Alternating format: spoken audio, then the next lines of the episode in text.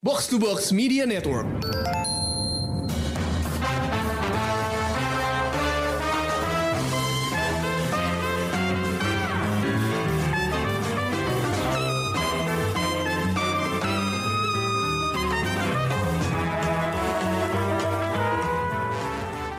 Pendengar Showbox, Anyong. Wah, akhirnya setelah sekian lama kita bisa balik lagi nih ke review Korea Vaganza. Meskipun bukan drakor yang kita review, kebetulan di bioskop lagi ada filmnya Ma Dong Sok yang lagi diputar, yaitu The Roundup No Way Out. Ini film cukup cepet ya keluarnya, The Roundup baru aja keluar tahun lalu. Meskipun gue nggak nonton itu di bioskop, gue nonton itu di OTT, eh, dan baru nonton tahun ini jeda satu tahun itu cukup cepat mengingat film yang berada di bawah seri Crime City ini pertama kali dirilis tahun 2017. Iya, film pertama Crime City uh, The Outlaws itu keluarnya 2017, terus ada jeda lima tahun, baru setelah itu The Roundup dirilis. Oke, mungkin pada saat itu kita masih kena pandemi kali ya, jadi mungkin nggak bisa cepat juga produksi film. Tapi jarak yang cuma setahun ini antara The Roundup dan The Roundup No Way Out itu bikin gue ngerasa wah cepet banget ya Ma Dong Sok tuh kayak nggak ada istirahatnya gitu loh. Nah seperti yang udah kita bicarain di review Man of Plastic beberapa waktu lalu, karir Ma Dong Sok itu berjalan sangat kencang. Setelah ini mungkin dia mau istirahat dulu kali ya. Proyek barunya tuh belum kelihatan kalau di movie database, tapi mungkin nanti Krisna bisa kasih bocoran tentang proyek Ma Dong Sok terbaru. Untuk sekarang, gue sama Krisna bakal memulai pembahasan Korea Vakansa kali ini dengan satu pertanyaan. Chris, Yes, ini ya. ceritanya masih berhubungan kan dengan kartel, tapi kali ini sama seperti The Outlaws, mereka tetap di dalam negeri. Kayak film pertama lagi ya. Ya, balik ke tema apa ke formatnya Outlaws ya. Jadi mereka Mm. berantem sama gangster tapi di dalam negeri di dalam Korea Selatan. Bedanya kali ini ada gangster luar negeri yang masuk ke Korea Selatan. Nah, setelah be- kita keluar dari Korea yaitu ke Vietnam di round up di 2022. Ini yang sekarang ini apakah masih menarik dan exciting buat lo? Masih sih kalau buat gua tetap menarik ya karena kayaknya menurut gua sih karakternya si Masuk Do-nya Madong Sok ini nih kayak apa ya karakter yang franchise banget ya sih Iya sih. Kayak- Itunya ya, kayak- iya.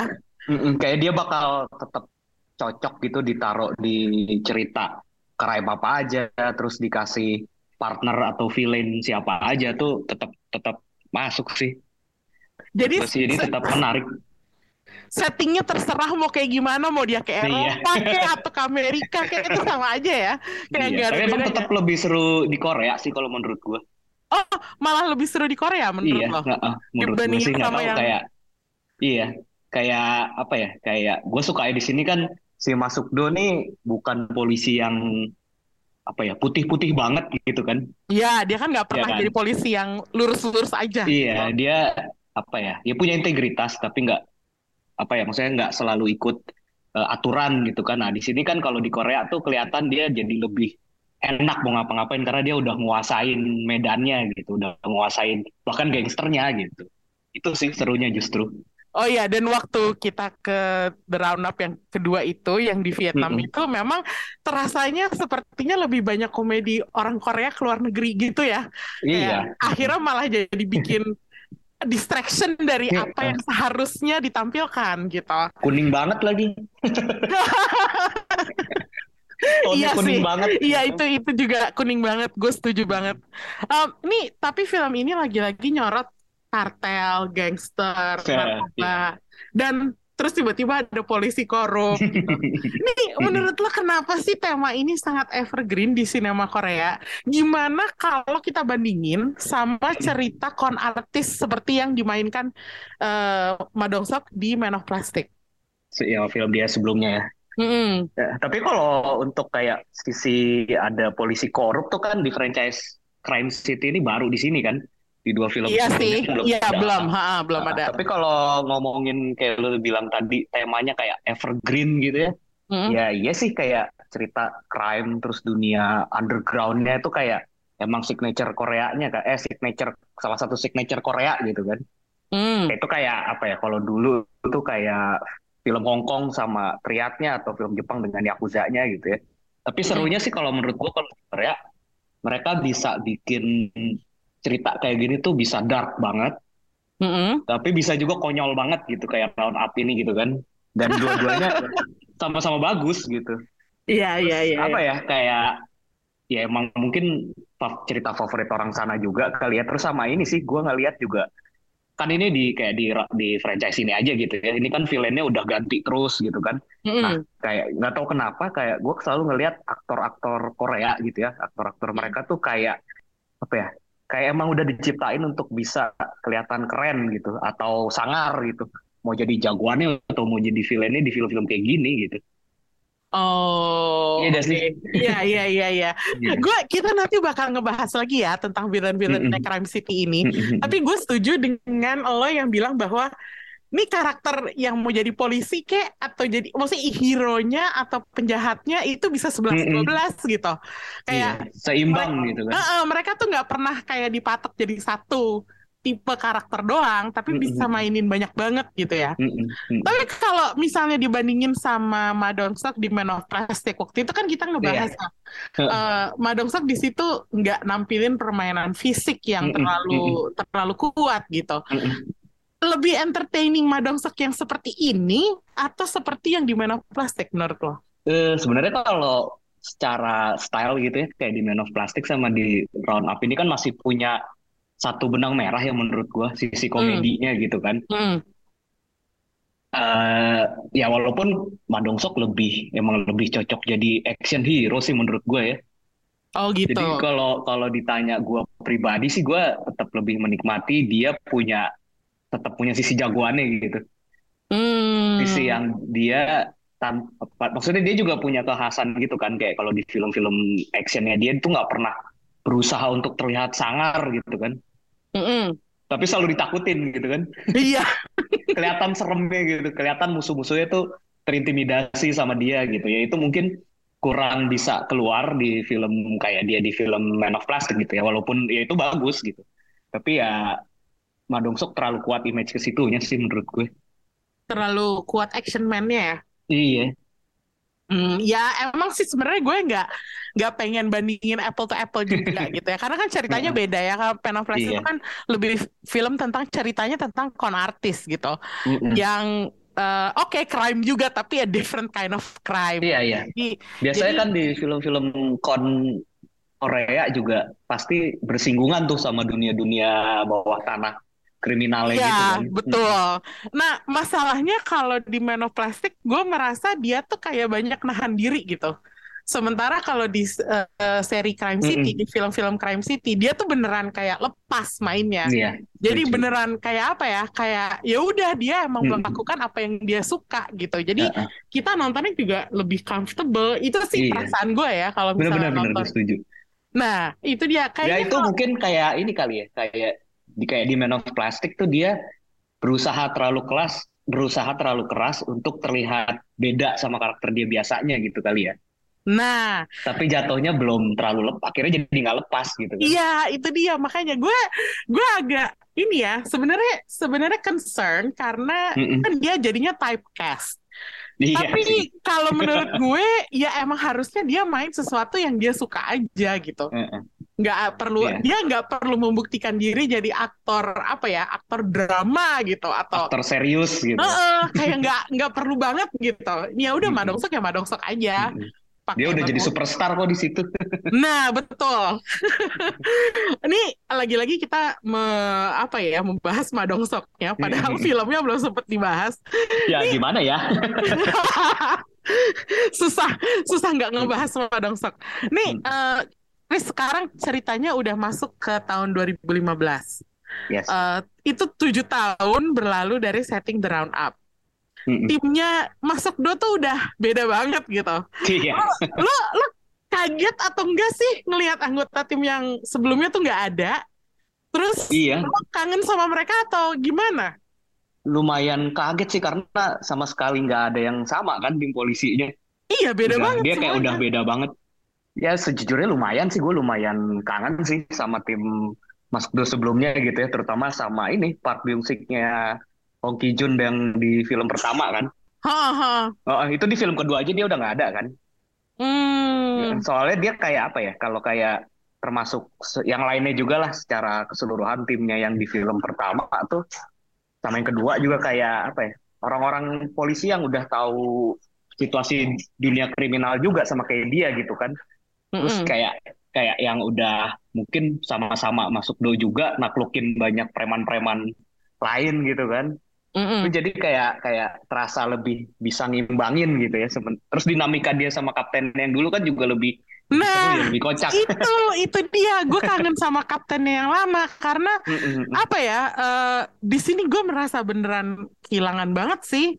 Iya, lumayan Kayak juga sejujurnya. meskipun dia sama kaptennya yang sekarang itu dinamikanya masih ada sedikit-sedikit kemiripan gitu ya. Mm-mm. Tapi ya ya karena karakternya beda, yang meranin juga beda, jadi agak-agak gimana ya? Iya, iya. Kalau yang di sini tuh apa ya? Tim yang sekarang menurut gue masih oke gitu ya. Terutama si Kim Anje itu yang Mm, selalu iya. nemenin dia gitu kan. Tapi kelihatan apa ya? Kayak mereka tuh belum terlalu terbiasa dengan cara kerjanya Sukdo gitu kan. Cara dia masuk ke dunia kriminalnya gitu tuh itu ya ya ya hal yang baru sih. Mungkin Tapi maksudnya penyegaran kali ya. Nah, itu yang gue yang gue agak agak penasaran nih, Chris. Ini kan beda filmnya cuma setahun ya dari Iya. film yang sebelumnya. Apakah maksudnya ada scheduling konflik atau emang sepertinya sengaja untuk disegarkan gitu? Hmm. Karena kok gue tiba-tiba gue kayak curiga gitu, yang kangen merasa ya. bahwa "Hah, ini kayaknya karena kecepatan jadwalnya jadi mereka nggak bisa kumpul bareng gitu. Iya, iya. Bisa jadi juga sih, tapi apa ya? Masalahnya semuanya kan bukan cuman satu dua doang kan. Iya betul. Jadi gue curiga sih emang apa ya? Kayaknya sih emang mau penyegaran gitu ya. Mungkin masuk do ceritanya kan sekarang udah dipindah bukan divisi ya, pindah lokasi kan. Sekarang Mm-mm. dia dia di Metro Seoul gitu kan. Jadi lebih di Mm-mm. tengah kota gitu kan. Ya gue rasa mau ngasih apa ya? Progres ke karakternya aja kali cerita ini sekarang dia udah udah ini loh udah pindah posisi udah pindah lokasi gitu. Ya Hmm, mungkin dan emang penyegaran juga sih. Mm. Dan emang udah tujuh tahun berlalu kali ya, jadi nggak mungkin Iya, lah dia sama-sama orang yang terus-terusan.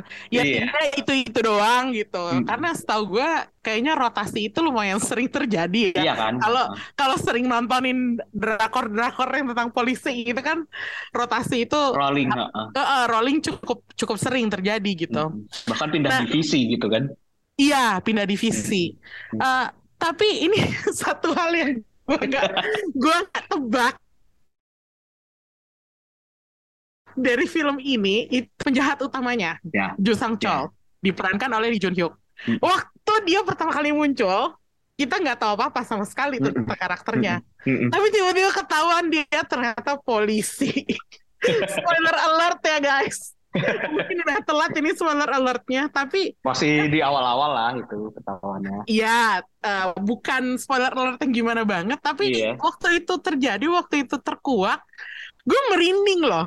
Kayak, Yes. oke, gue tahu itu klise banget bahwa polisi jadi penjahat, tapi oh gue kagetnya kayak kayak shock gitu.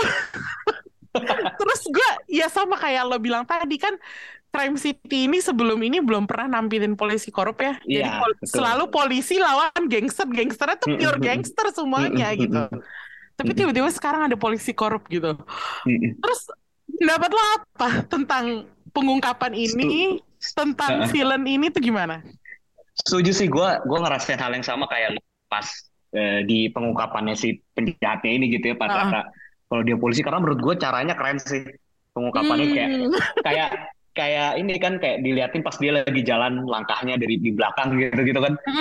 Dan lu udah tahu itu oh itu dia gitu kan. Keren sih gue juga langsung ah akhirnya sekarang eh, ada polisi korupnya gitu kan. Terus ya kalau dari sisi karakternya sendiri paling rapih ya di sini dia dibanding yang sebelumnya karena dia emang apa ya emang polisi gitu kan. Terus kayak apa ya gue sukanya sih mungkin ngasih hal yang beda lagi karena lawan yang sekarang tuh kayak lebih terencana gitu kan lebih punya plan gitu kalau yang Ah, dulu kan betul, emang betul. emang gangster brutal gitu kan emang jalanan banget gitu kalau yang di sini kayak lebih dia punya rencana lah dia ada step-step yang mau dia lakuin dan dia mungkin kayak punya kelebihan akses informasi ke internal polisi kan jadinya ya jadinya itu tantangan baru sih buat si Sukdo kan yang belum Hmm. pernah dihadapin sebelumnya. Hmm. Mungkin kalau kayak sebelumnya kan tinggal tunggu waktu aja istilahnya satu lawan satu sama Sukdo kita juga udah tahu ujung-ujungnya kayak apa gitu kan. Hmm. Kayak Tapi udah tahu sekarang bakal ya at least ada ininya lah, ada sedikit perencanaannya gitu kan, ada sedikit melesetnya apa gitu kan. Nah, ini sebenarnya dia sama Sokdo tuh posisinya lebih tinggi yang mana sih? Lebih tinggi si Jusong Chol kan? Kayaknya iya deh, dia udah kapten kan soalnya. Ah, jadi Hmm. si Sokdo tuh harusnya agak sedikit menghormati dia gitu kan? Iya kalau dari kalau nggak salah ya sih kayak ini soalnya dia kapten sih, gua kan dia punya dua ininya juga kan, dua anak buahnya itu kan. Si Sokdo juga punya anak buah sih sebenarnya. Nah, iya sih, Cara gak resmi lah. gitu. Iya, tapi maksudnya gue setuju sih sama yang lo bilang bahwa Hmm. kali ini penjahatnya tuh lebih terencana gitu. Hmm. Dan dia manuvernya tuh lumayan slick juga ya. Dia bisa Iya. mainin mainin pihak Yakuza, terus pihak Heeh. gangster Chinese.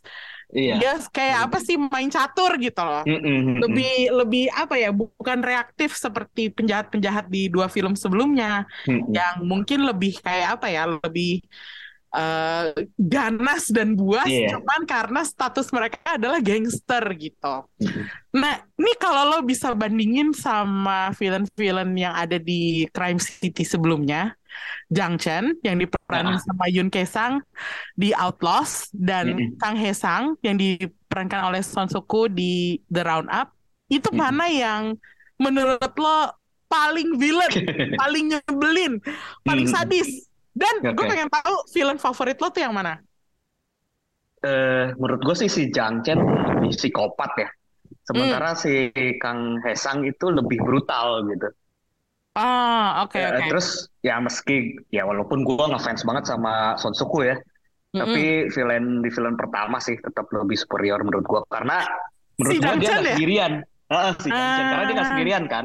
Iya iya iya iya. punya dia punya dua anak buah kepercayaannya itu kan si Jin Iya. Suk yang diperanin. Jin Suk Kyo sama Ah, Kim Sung Kyu yang menurut gue sih sama nyereminnya gitu psikopatnya jadi kayak lebih intimidatif sih menurut gue karena kita juga ngelihat gimana dia ini kan naklukin satu kelompok gangster yang di film pertama tuh kelompok Venom itu kan mm-mm. brutal banget gitu ya sementara di si Kang Hesang kan kita nggak ngelihat dia melakukan sejauh itu gitu dia lebih lebih ya udah emang emang sadis aja gitu emang nggak ada apa sih lebih nggak ada takutnya gitu Hmm. tapi kalau secara apa ya karisma gitu gue lebih suka si Jang Chen sih Oh, oke. Gue gue merasa nih Crime City tuh sebenarnya belum pernah nampilin film yang benar-benar karismatik gitu. Eh, Iya. Mereka tuh lebih banyak sadis, jadi gue susah terpikat sama siapa pun gitu. Tapi kalau gue boleh pilih, emang Jang Chen, Jang Chen itu emang yang paling berkesan sih buat gue karena Mm-mm. Kalau dipikir-pikir ya itu pertama kalinya gue nonton gue nonton si Kesang jadi penjahat aktornya sendiri iya Gue- iya bener gue Biasanya kan jarang- mukanya manis gitu ya Iya, gue jarang banget ngelihat dia sebagai penjahat. Gue ngelihat dia lebih banyak sebagai romantic hero gitu. iya Makanya bener gue agak-agak kaget waktu ngelihat dia, oh bisa juga tuh dia jadi penjahat dan apa cocok ya atau Heeh, dan itu karena mungkin gue terpengaruh sama kok dia kan aslinya cakep ya. Terus karena dia cakep itu makanya Heeh. dia jadi psikopat terus kok klop banget gitu image-nya. Gue Heeh. gue emang jarang nonton film dia atau drakor dia. Mm-mm. Tapi di situ tuh di Outlaws tuh fascinating banget gitu. Mm-mm. Makanya gue Iya, makanya gue kayak apa ya? Ini sebenarnya progresi ke sini gue nggak bisa nebak sih tipe villain yang akhirnya ditampilkan sama Crime City. Karena kan lo udah bilang tadi psikopat, terus brutal, yang Mm-mm. kedua brutal, yang pertama psikopat, yang kedua brutal, terus sekarang kita ada yang polisi korup gitu. Nah berikutnya gue udah nggak bisa mikir lagi nih. Kayak apa jahat lagi? maka- macam apa yang bakal ditampilkan karena dan kayak aktornya siapa lagi? Iya, dan masalahnya semuanya tuh sama-sama apa ya, sama-sama punya daya tarik tersendiri gitu. dan semuanya nggak pernah jadi villain sebelumnya. Gitu ya. iya sih seingat gue Son Oh. Nggak pernah lah Hah? Oh, gue gak, gue gak tahu soalnya kalau Son Soo-koo tuh pernah main villain atau enggak, gue gak. biasanya nggak- dia justru jadi polisi gitu kan Oh. di Big Bad dia jadi polisi di apa yang eh Sense8 kan dia ada jadi polisi juga kan. Terus Hmm, I selain see, itu ya kayak ini kan apa eh, film romance dia ada. Belum pernah jadi sesangar itu tuh dia belum pernah gitu. Jadi intinya Crime City ini emang membuktikan apa yang kita bilang tadi ya, kayak aktor Mm-mm. Korea tuh mau jadi penjahat atau mau Mm-mm. jadi villain itu bisa-bisa aja gitu. Cocok. Iya cocok banget kayak wow. Iya sih, gue waktu itu gue nonton apa namanya eh si The Roundup yang pertama yang tahun Mm-mm. lalu eh, si Son. Suku itu gue juga kayaknya kok kayaknya gue belum pernah lihat tuh film ini di mana gitu. Dia Tapi kan di terus My Liberation Notes juga. Itu kan ya gitu. iya drama banget gitu aktornya. Terus apa namanya adik gue bilang dia ada di Sense8. Terus gue yang kayak hah yang mana ya?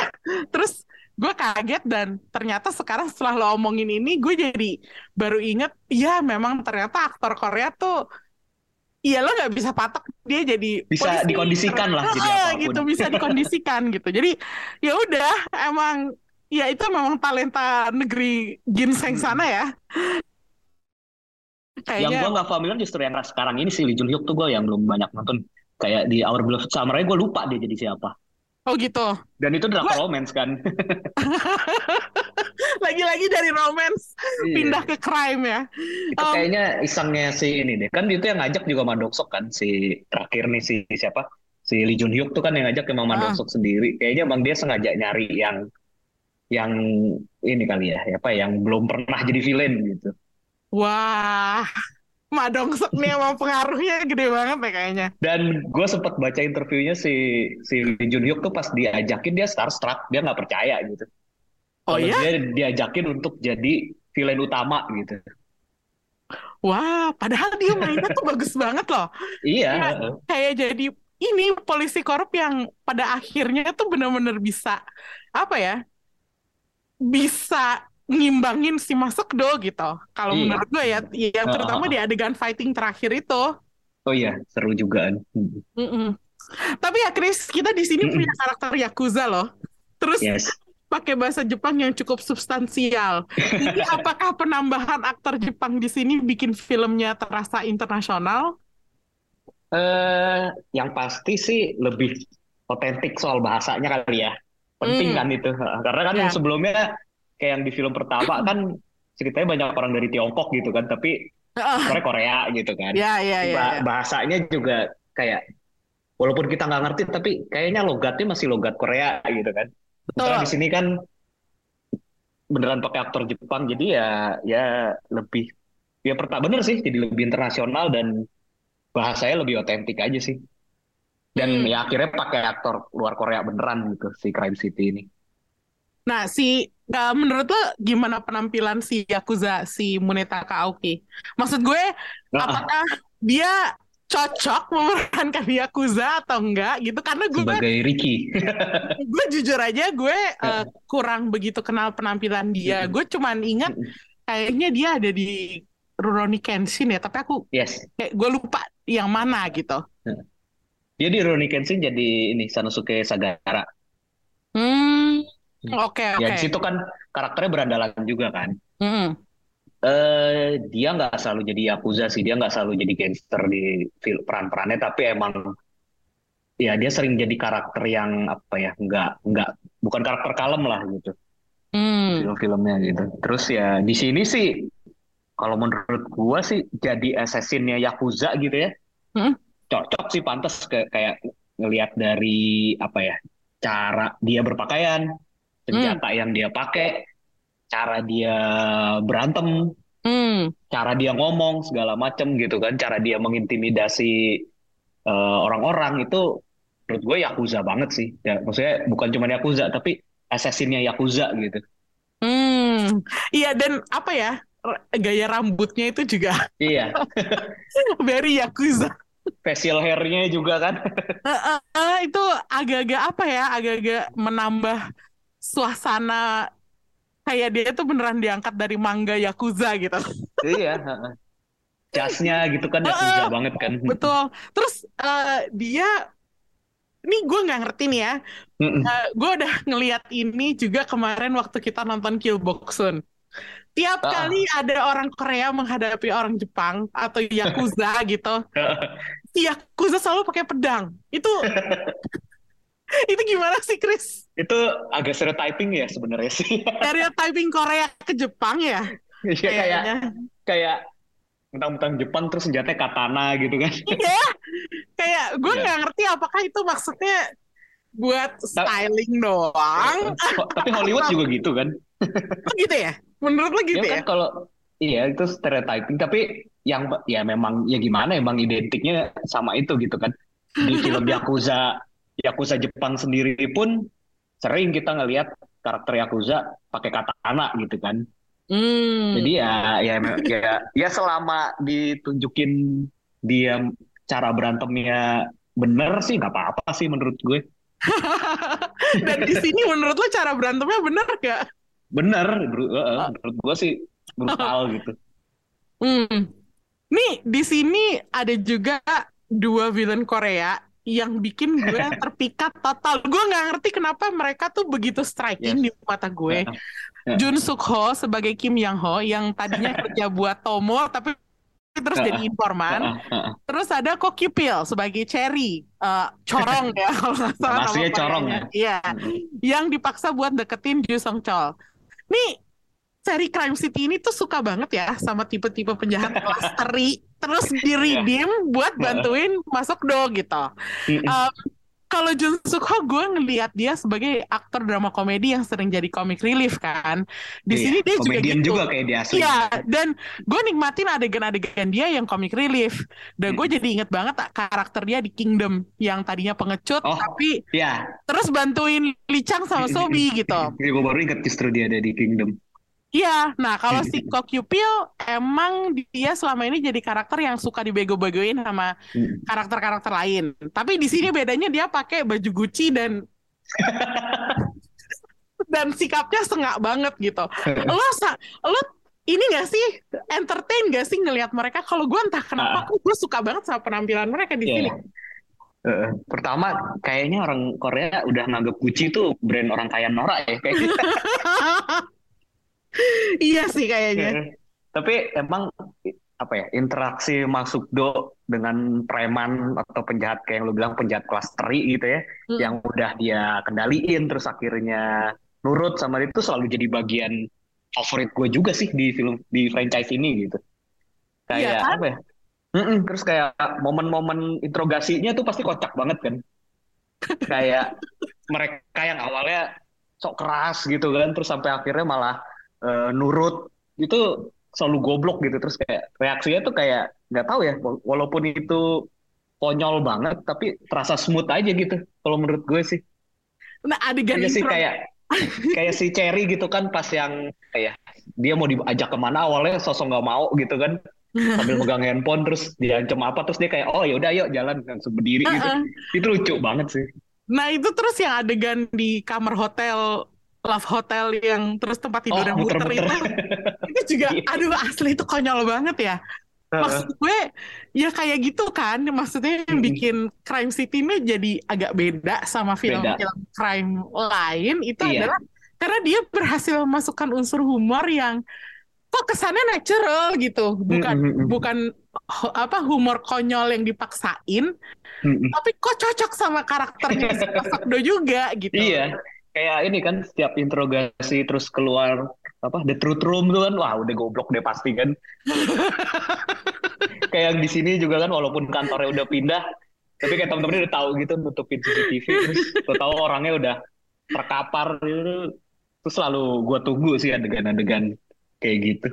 Tapi berarti ini memang si Crime City ini nggak main-main ya. Jadi setiap eh, filmnya tuh punya benang merah yang eh, oke mung- mungkin Iya. anggota timnya beda, penjahatnya beda, tapi ceritanya juga nggak nggak terlalu nyambung gitu. Tapi ada hal-hal yang bikin film ini tuh film tiga film di seri ini jadi tersambung dan terha- tersambungnya tuh kohesif gitu. Iya, Kayak ya itu. itu, mm-mm.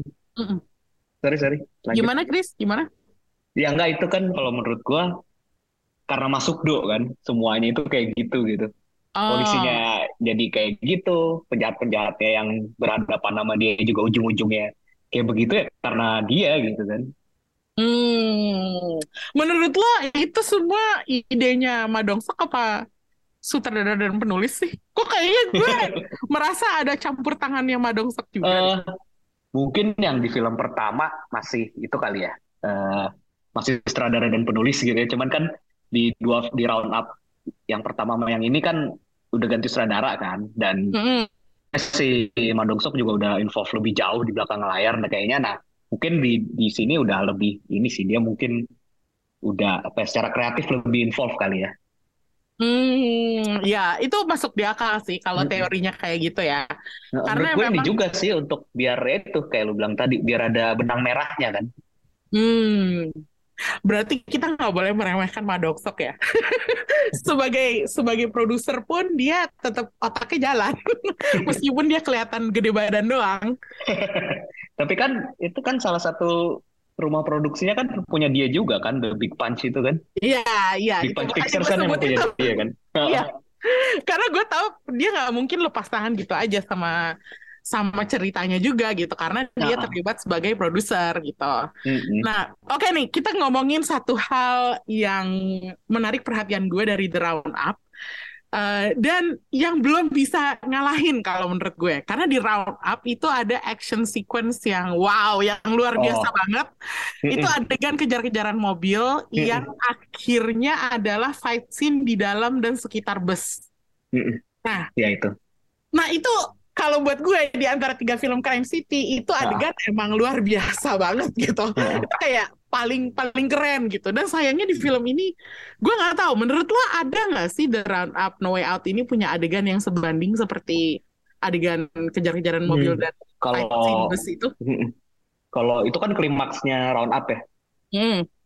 iya sih kalau di No Way Out ini sih kayaknya nggak ada sih yang apa ya skalanya segede itu gitu ya kayak hmm. ini lebih balik ke ini aja berantem hand to hand senjata hmm. tajam gitu kan balik ke situ apalagi setiap ini kan setiap bagian Ricky kan iya ya, makanya jadi kayak kayak yang yang apa ya yang gede gitu kayaknya nggak ada yang nggak ada yang sebanding sih sama Roundup memang hmm. tapi ya buat gue sih nggak masalah karena itu cukup tergantikan sama adegan-adegan berantem yang lebih seru gitu. Oh, nah dari film ini adegan berantem fight lah ya. Berantem yang mana yang lo suka? eh ya klimaksnya seru sih antara si Sukdo sama Sungchol tuh seru sih. Mm. Terus sama mm. ya adegan Ricky juga apa pas dia dihajar sama Sukdo. Ya. Kalau itu, gue suka sih. sih.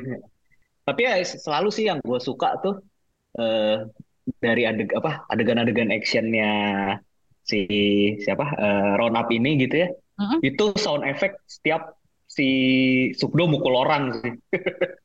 Hah, sound efeknya lo suka ya, suara gebukin orangnya? Iya, suaranya tuh beneran kayak oke dia pukulannya emang kencang banget, kuat banget sampai orangnya pada mental gitu kan.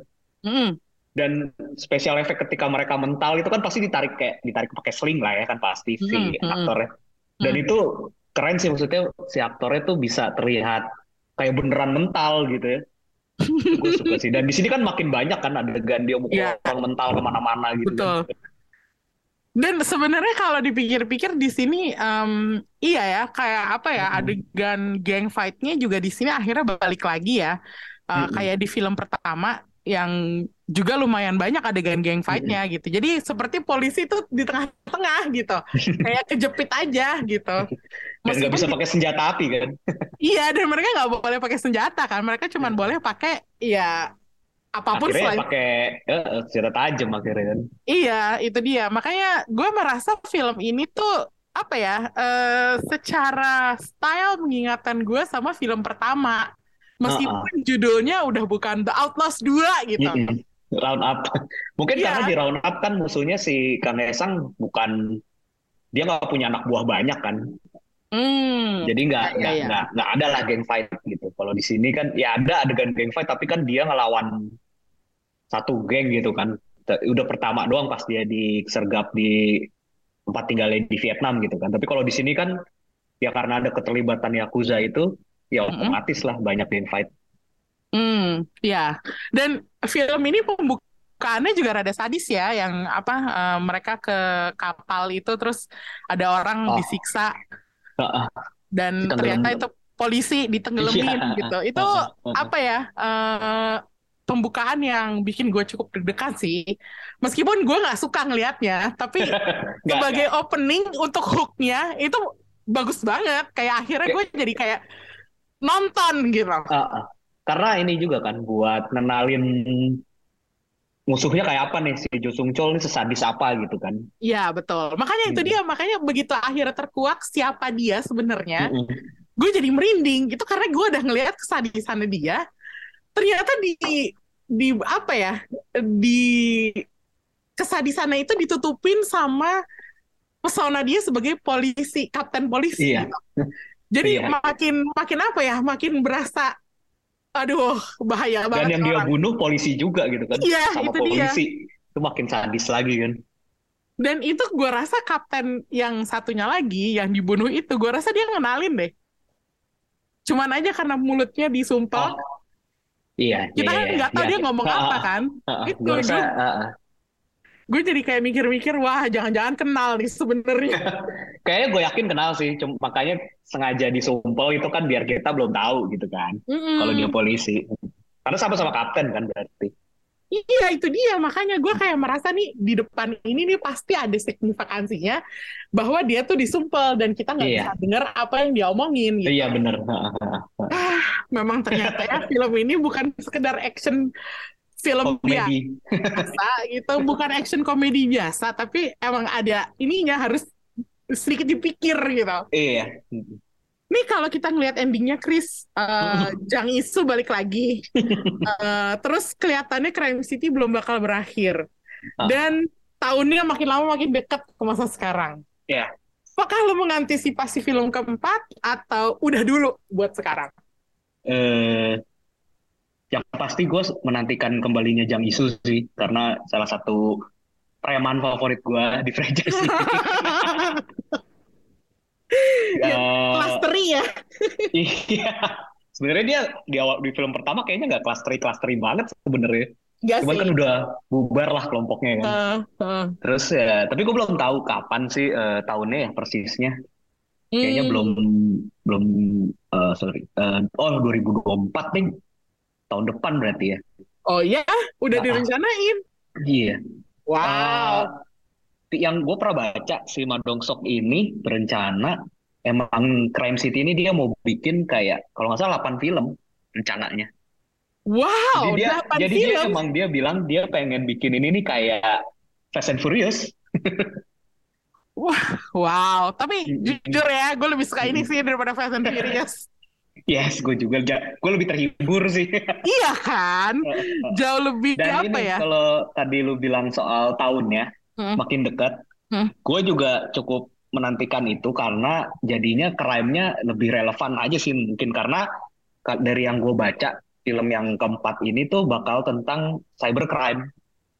Oh, I Jadi see. I see. kayak illegal online gambling gitu. Oh, iya, iya. Itu memang uh, lumayan sering dibahas kalau nonton Taxi Driver 2. Itu Iya. salah satu crime yang ditampilkan adalah ya, online gambling yang ilegal gitu. Scam-scam itu juga Iya. kan sekarang banyak gitu kan dibahas. Nah, Iya. kayaknya bakal lebih dekat lagi ke dunia sekarang gitu kan tahunnya. Hmm, tapi jadi lo masih mengantisipasi filmnya ya? Lo belum capek atau belum kayak ah udahlah gitu. Hmm, gua masih menantikan siapa villainnya sih. Ah, iya benar. Siapa Iya. lagi nih yang mau ditampilkan? Dan gitu. dan dan ini ya maksudnya tadi kita ngomongin dia terinspirasi Fast and Furious gitu kan. Hmm. Jadinya juga siapa yang bakal balik gitu kan. Ah, betul, betul, Apakah betul. sta- selain Jang Il Soo ada lagi yang balik gitu kan atau gimana penjahatnya gitu kan. Jadi ya sejauh ini sih masih tetap seru ya, cuman mungkin ke depannya sih gua rasa jangan terlalu deket kali ya. Oh, ya maksudnya kasih jarak dua tahun lah gitu, jangan Iya. setahun setahun gitu. Bukannya gue mengeluh, Sok. Heeh. iya bukannya gue ngeluh, tapi gue pengen juga lihat Madong Sok bikin film lain gitu. Nah, itu dia bener. Iya kan?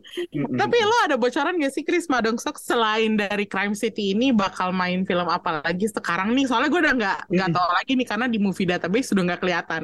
Iya, gue juga nyari informasinya dia kayaknya masih fokus ke sini sih.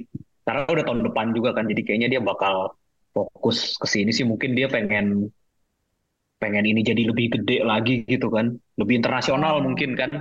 Jadi nggak nggak- bukannya nggak mungkin sekarang bakal ada aktor internasional lain lagi nih yang bakal bergabung kan. Oh, bisa jadi sih. Mm-mm. Siapa tahu ke depannya aktor Eropa atau Amerika gitu ya Iya gitu kan. tampil. Mm-mm. Ah. Dan selama ini kan belum pernah ada yang berhasil ya. Film Korea tuh kalau Hmm. pakai aktor barat tuh masih selalu kaku gitu ya. Ya siapa tahu Hmm. aja franchise ini yang bisa jadi pemecah kebuntuan itu gitu kan. Ntar tiba-tiba Angelina Jolie loh. nama. Oh iya bener.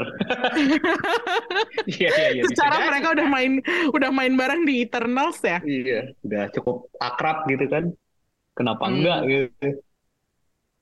Oke, tapi berarti lo puas ya Chris sama The Roundup No Way Out ini? Puas sih, gue masih puas. Masih seru, Berarti- masih lucu. Ratingnya tinggi dong. Ya lumayan. Oke, sekarang kita kasih rating untuk film ini antara 1 sampai 5 bintang. Dari lo berapa? Gua empat deh. Wah, sama Chris. Gue juga 4 bintang. Kali ini kita nggak pakai angka rata-rata atau ambil median ya. Karena Karena- sama. Karena sama gue sama Krisna kasih 4 bintang buat The Roundup No Way Out ini. Dan kalau eh, kalian pengen nonton The Roundup eh, No Way Out itu masih main di CGV. Tapi mungkin jamnya agak terbatas ya karena banyak banget film Hollywood yang lagi merajalela di bioskop. Iya. Masih ada Spider-Man, Across the Spider-Verse, Transformers, Little Mermaid, dan bentar lagi mau main The Flash. Jadi kalau lo penggemar sinema Korea dan cari tontonan action comedy di musim panas ini, lo harus nonton The Roundup No Way Out di bioskop sekarang. Jangan tunda-tunda gitu. Dan kalau mau nonton The Outlaws uh, dan The Roundup yang tahun 2022, uh, itu masih ada di OTT. Gue nonton Outlaws di Catch Play, Roundup di View. Jadi kalian masih Gua di ini, gua beda. gimana? Gimana Di- nonton? Dua-duanya ada di video. Oh, dua-duanya di video ya. Oh, gue Nah. salah, gue nggak langganan video gitu. Nah. Jadi masih banyak tempat lah bisa lo cari Kayaknya. Semua OTT yang punya TV and movies ada deh. Ya, betul. Jadi lo bisa cari eh, dua film sebelumnya ini di OTT dan film yang ketiganya lo tonton di bioskop. Segitu dulu review Korea Vaganza kita kali ini. See you and bye-bye. Bye, thank you.